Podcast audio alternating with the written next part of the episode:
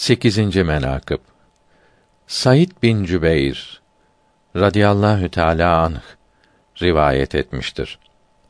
Resulullah sallallahu teala aleyhi ve sellem hazretleri Medine-i Münevvere'de Mescid-i Şerif'i bina etmek istediler. On binden ziyade taş toplanmıştı. Resulullah Hazretleri bu kadar taştan bir taş kaldırdı. Ebu Bekr radıyallahu teala an hazretlerine buyurdular ki: Sen de bir taş kaldır. Sonra Ömer radıyallahu teala an hazretlerine buyurdular ki: Sen de bir taş kaldır.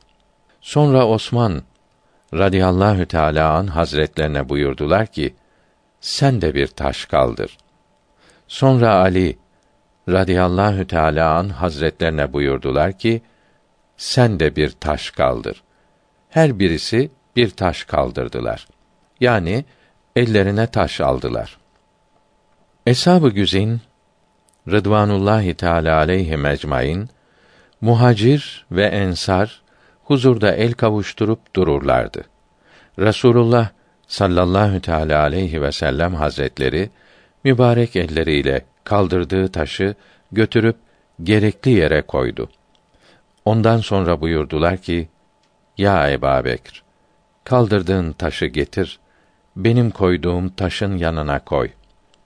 O da getirip yanına koydu.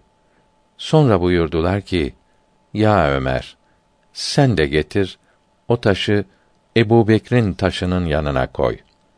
O da getirip koydu. Ondan sonra buyurdular ki, Ya Osman, sen de getir o taşı Ömer'in taşının yanına koy.'' O da getirip koydu. Ondan sonra buyurdular ki: Ya Ali, sen de getir o taşı Osman'ın taşının yanına koy. O da getirip koydu.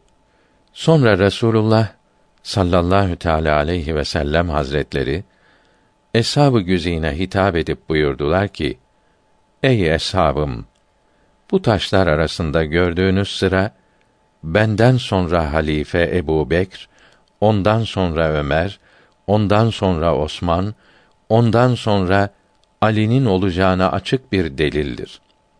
Siz ki benim eshabım, muhacir ve ensar, herkes ne miktar bu taşlardan ister ise, alıp nereye ister iseniz koyunuz. Medine-i Münevvere Mescidinin yapılışındaki bu taş haberi çok yerde anlatılmıştır. Ama bize gelen haberlerin en sahihi budur.